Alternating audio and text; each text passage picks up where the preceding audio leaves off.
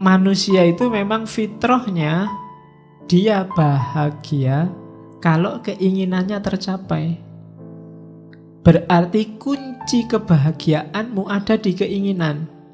Maka pinter-pinterlah menegaskan keinginan. Begitu kamu keliru, kamu sedang bunuh diri. Bikin keinginan, rancang keinginan yang dalam kontrolmu, kayak tadi. Bukan sesuatu yang di luar jangkauanmu. Jadi, karena kalau kamu menginginkan sesuatu yang di luar jangkauanmu, hasilnya pasti kecewa. Jangan menginginkan sesuatu yang di luar jangkauanmu.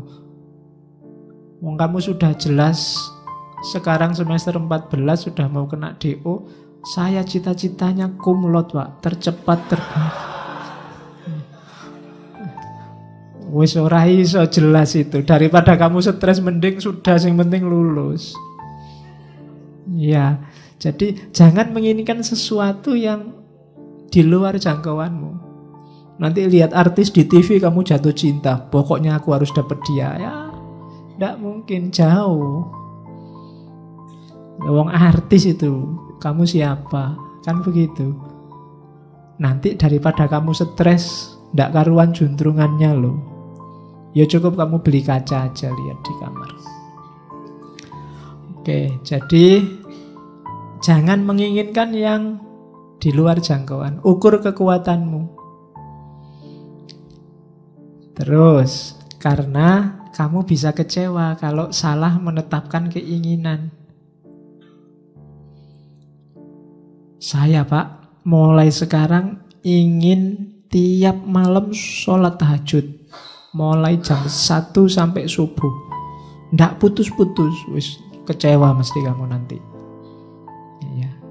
Kenapa? Mungkin di luar jangkauanmu wong kamu sholat subuh ayo. Iya. Jadi inginkan yang dalam jangkauanmu. Itu penting bagi yang tidak ingin stres. Oke. Karena itu kalau tiba-tiba terbersit apa pun yang menurutmu itu di luar jangkauanmu, kalimatnya setawa apa? You are nothing in relation to me. Kamu tidak ada hubungannya sama aku. Jadi jauh-jauh. Jalan-jalan di mall, lihat orang belanja baju banyak sekali, harganya ratusan ribu. Kamu mau beli kaos 40 ribu aja di Wola, Wale, Pintu. nah, lihat orang itu, you are ada hubungannya sama aku. Kita beda dunia.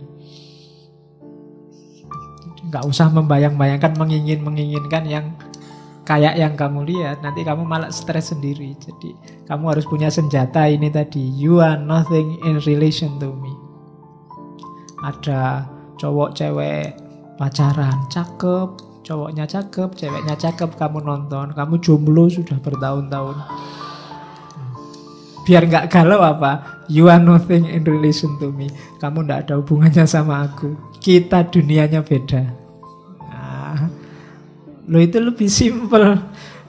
Lah daripada kamu stres, mau kamu mangkel marah, ah, malah menghabiskan energi kayak tadi untuk yang sia-sia.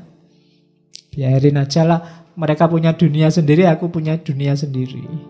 Aku cukup nonton TV sendirian. Di kamar sendirian, makan sendiri, masak sendiri. Ya. Oke. Yo bikinlah nanti narasi-narasi untuk lebih baik sendiri, lebih merdeka sendiri, sudah apa-apa lah untuk menghibur diri.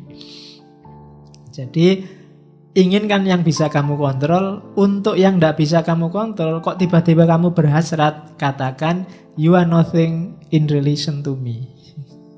Kamu tidak nyambung lagi, kita frekuensinya beda. Nah gitu aja kan lebih nyaman, lebih enak daripada kamu stres. Ada orang dinasehati, baik-baik nggak manut oh ya sudah you are nothing in relation to me kita kita beda jalur kan gitu kamu kan sering begitu ada orang pikirannya beda sama kamu terus kamu marah-marahin dia juga marah-marahin kamu yang frekuensinya beda dia apa-apain ya nggak nyambung Tinggal kamu putus saja ya, kita frekuensinya beda. You are nothing in relation to me. Kita beda dunia. Nah, jadi itu caranya untuk bahagia. Kontrol keinginan. Dari situlah nanti kamu ketemu kebebasan. Kalau ada yang tanya bebas itu apa? Bebas itu inginkan yang berada dalam kontrolmu. Jangan inginkan sesuatu yang berada dalam kontrol orang lain. Kalau cita-citamu menginginkan sesuatu yang jadi milik atau dikontrol orang lain, maka saat itu juga kamu jadi budak. Budaknya siapa? Budaknya orang lain yang mengontrol keinginanmu tadi. Kalau cita-citamu misalnya jadi PNS, dan menurutmu di luar kontrolmu, maka kamu akan jadi budak orang yang mengontrol penerimaan PNS. Kalau cita-citamu apa wis, ndak jomblo lagi punya pasangan, padahal di luar kontrolmu, kamu akan dikontrol orang yang bisa ngasih kamu pasangan atau menjanjikanmu jadi pasangannya. Ya kan? Kalau cita-citamu harta, Padahal itu belum waktunya dan di luar kontrolmu Maka kamu akan jadi budak orang yang bisa memberikanmu harta Namanya jadi nggak bebas Maka kalau kamu ingin bebas yang, yang sejati Inginkan yang hanya dalam kontrolmu saja Yang di luar kontrolmu nggak usah diinginkan Jangankan di luar kontrolnya orang lain Di luar kontrolnya Allah pun jangan di, tagih-tagih di ya Allah kok dulu aku anaknya orang desa, mbok aku anaknya presiden apa anaknya menteri. Ya kalau kamu yang diinginkan itu kamu jadi tidak bebas. Kebebasan itu inginkan yang dalam kontrolmu.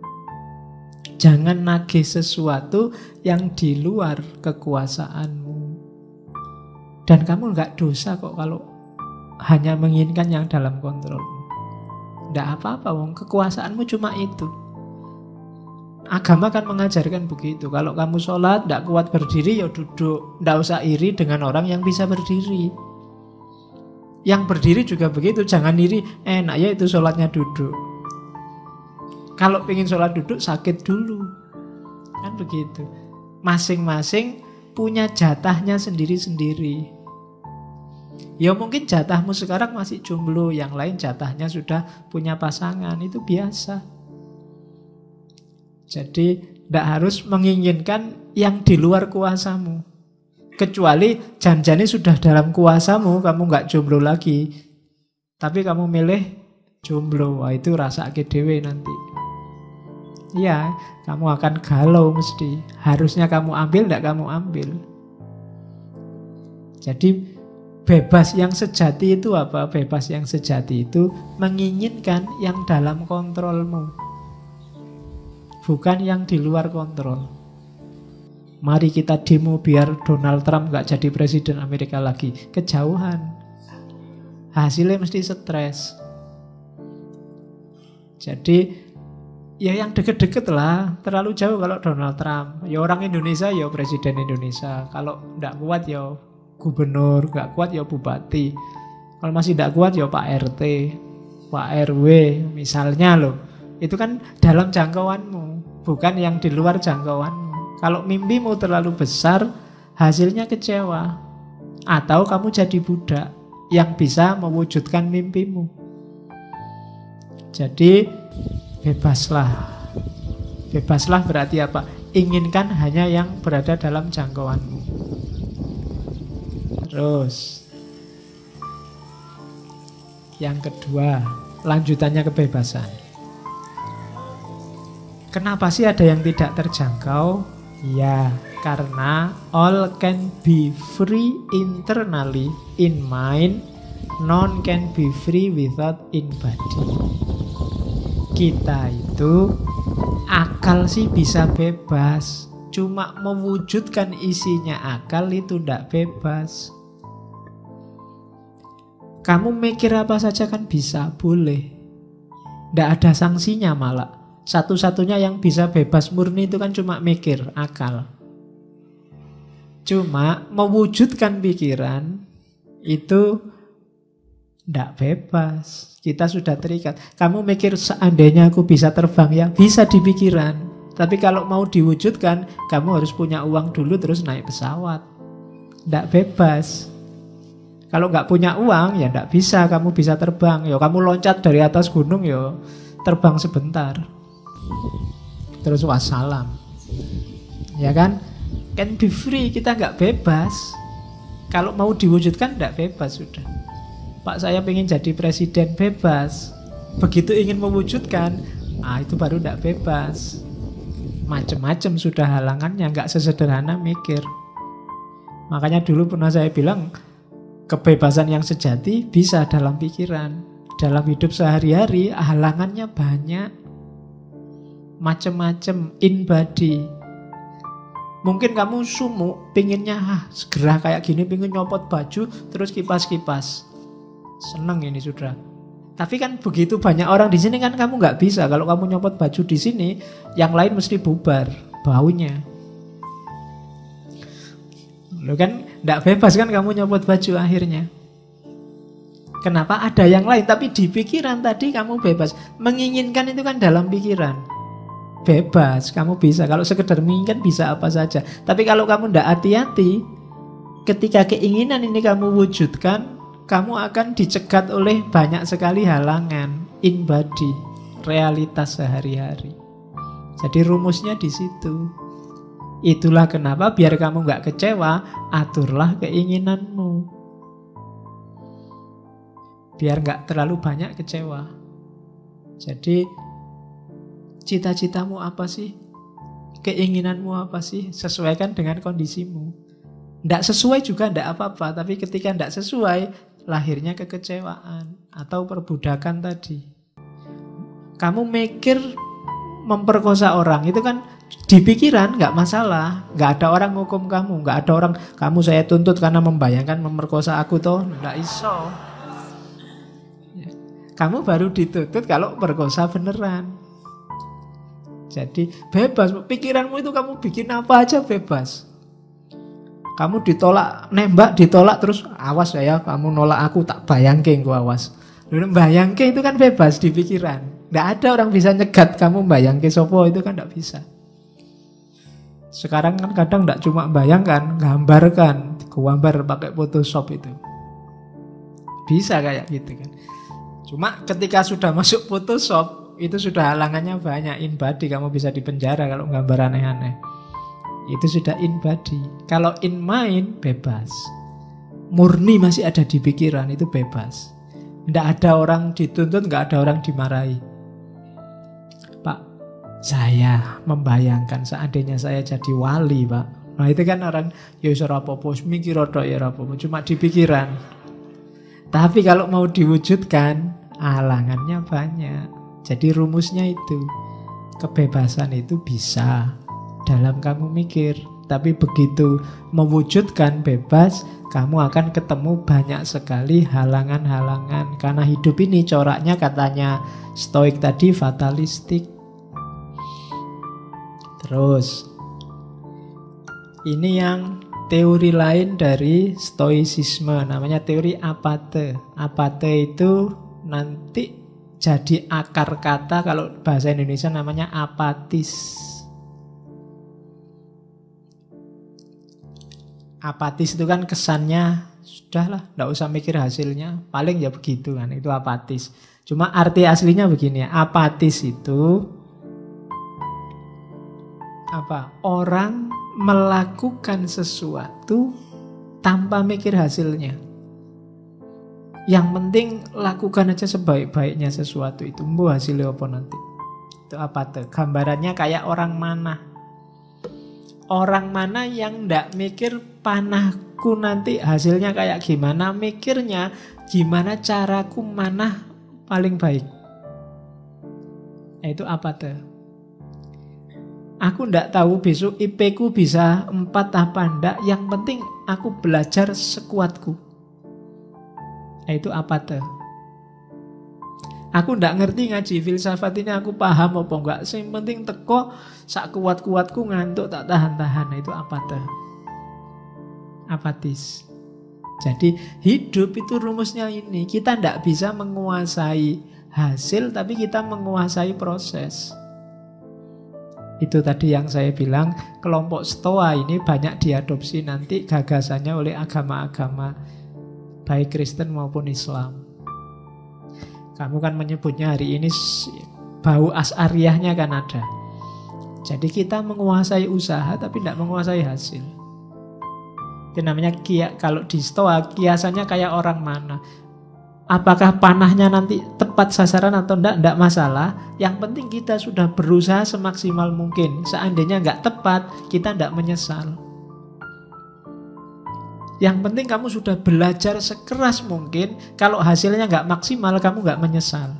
Tapi kalau kamu tidak belajar sekeras mungkin, hasilnya kok tidak maksimal, kamu pasti menyesal karena, duh tadi mbok aku serius dikit. Kayak kamu garap tesis atau garap skripsi itu loh. Waduh ini sudah mepet waktunya. Udahlah, yang penting ono tulisannya. Mungkin besok-besok kamu menyesal. Ah, coba dulu aku nulisnya agak serius dikit. Ada menyesalnya. Maka katanya orang-orang stoa, hidup itu perhatikan proses.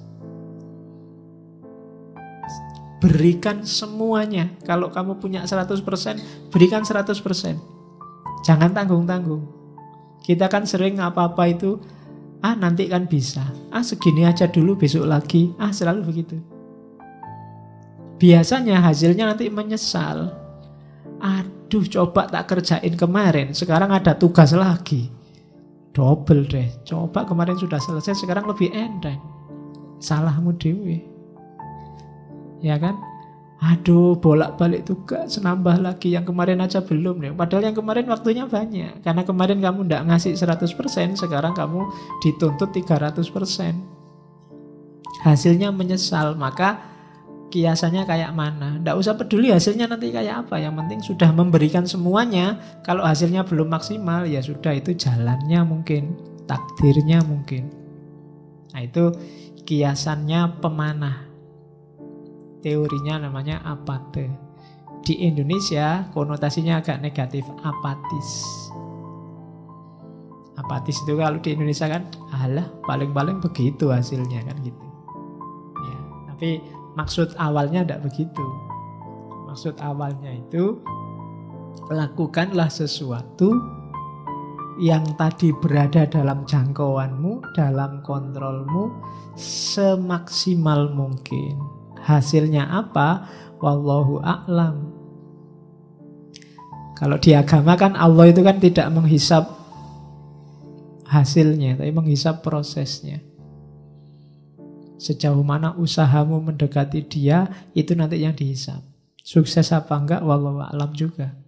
Wong kita memang kuatnya, yang kita kuasai cuma proses. Minum ini kan usaha, semaksimal mungkin. Jangan sambil ngomong nanti keselak itu namanya semaksimal mungkin.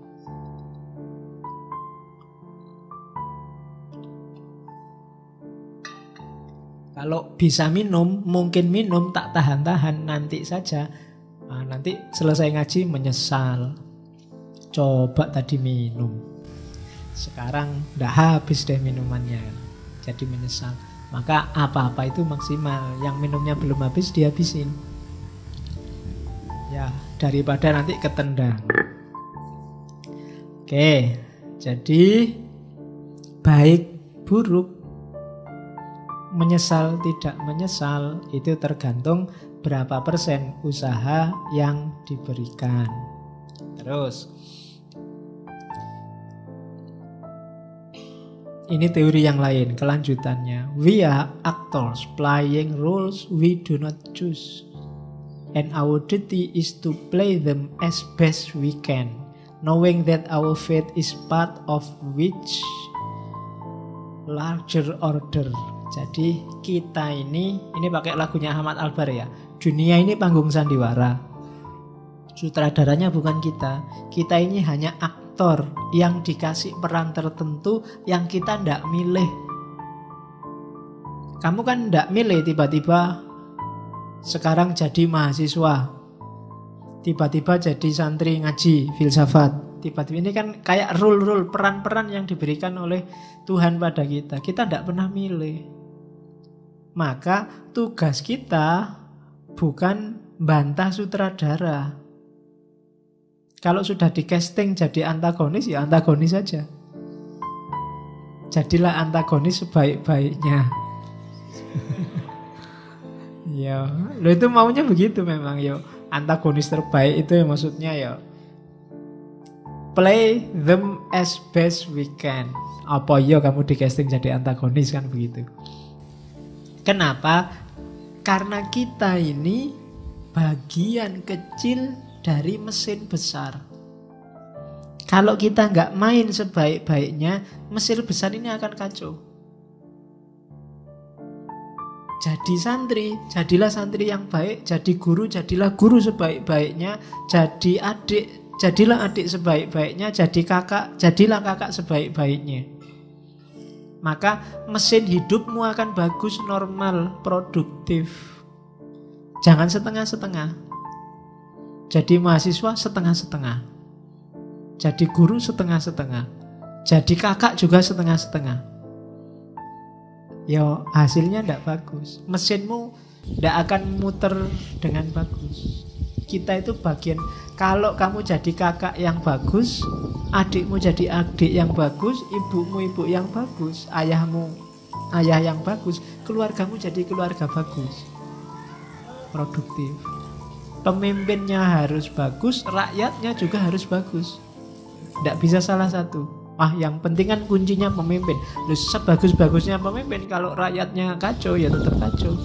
Karena ini organisme besar. Bahkan organisme besar ini tidak sekedar keluarga, nggak sekedar negara, tapi alam semesta. Jangan dikira keosnya Suriah itu ya Suriah saja. Imbasnya pasti ke Indonesia. Buktinya banyak Indonesia yang ketut masuk ke sana. Jangan dikira gegerannya apa hari ini. Korea Utara sama Malaysia itu urusan mereka saja. Kalau benar terjadi perang, imbasnya pasti ke sini. Wong kita ini mesin besar kok. Israel sama Iran misalnya perang, terus dua-duanya mengeluarkan nuklir. Yang kiamat bukan cuma Israel sama Iran, ya sak dunia rusak kabeh. Karena kita organisme besar.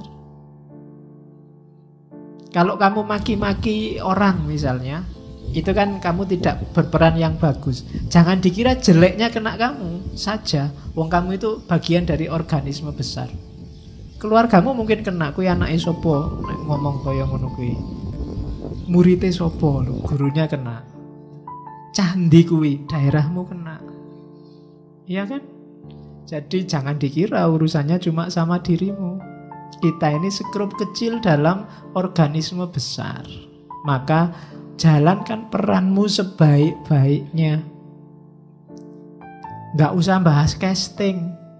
Aduh castingku kok ndak enak ini jadi adik. Pinginku jadi kakak ternyata nggak punya adik, punyanya kakak, toh akhirnya jadi adik, ya jadilah adik yang baik.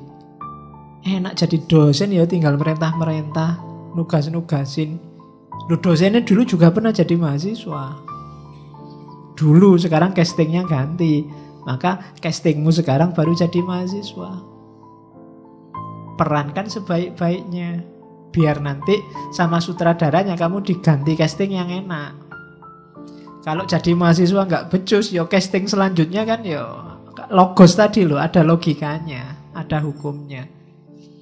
Jadi we are actors playing roles we do not choose, and our duty is to play them as best we can, knowing that our fate is part of much larger order. Jadi kita ini skrup kecil dalam mesin besar mesin besar itu murnya satu copot aja ya sudah wassalam. Semuanya ikut kacau. Terus. Oke. Ini rumus terakhirnya, realistis. Realistis itu apa? Do not seek to have everything that happens as you wish, but wish for everything to happen as it, as it actually does happen.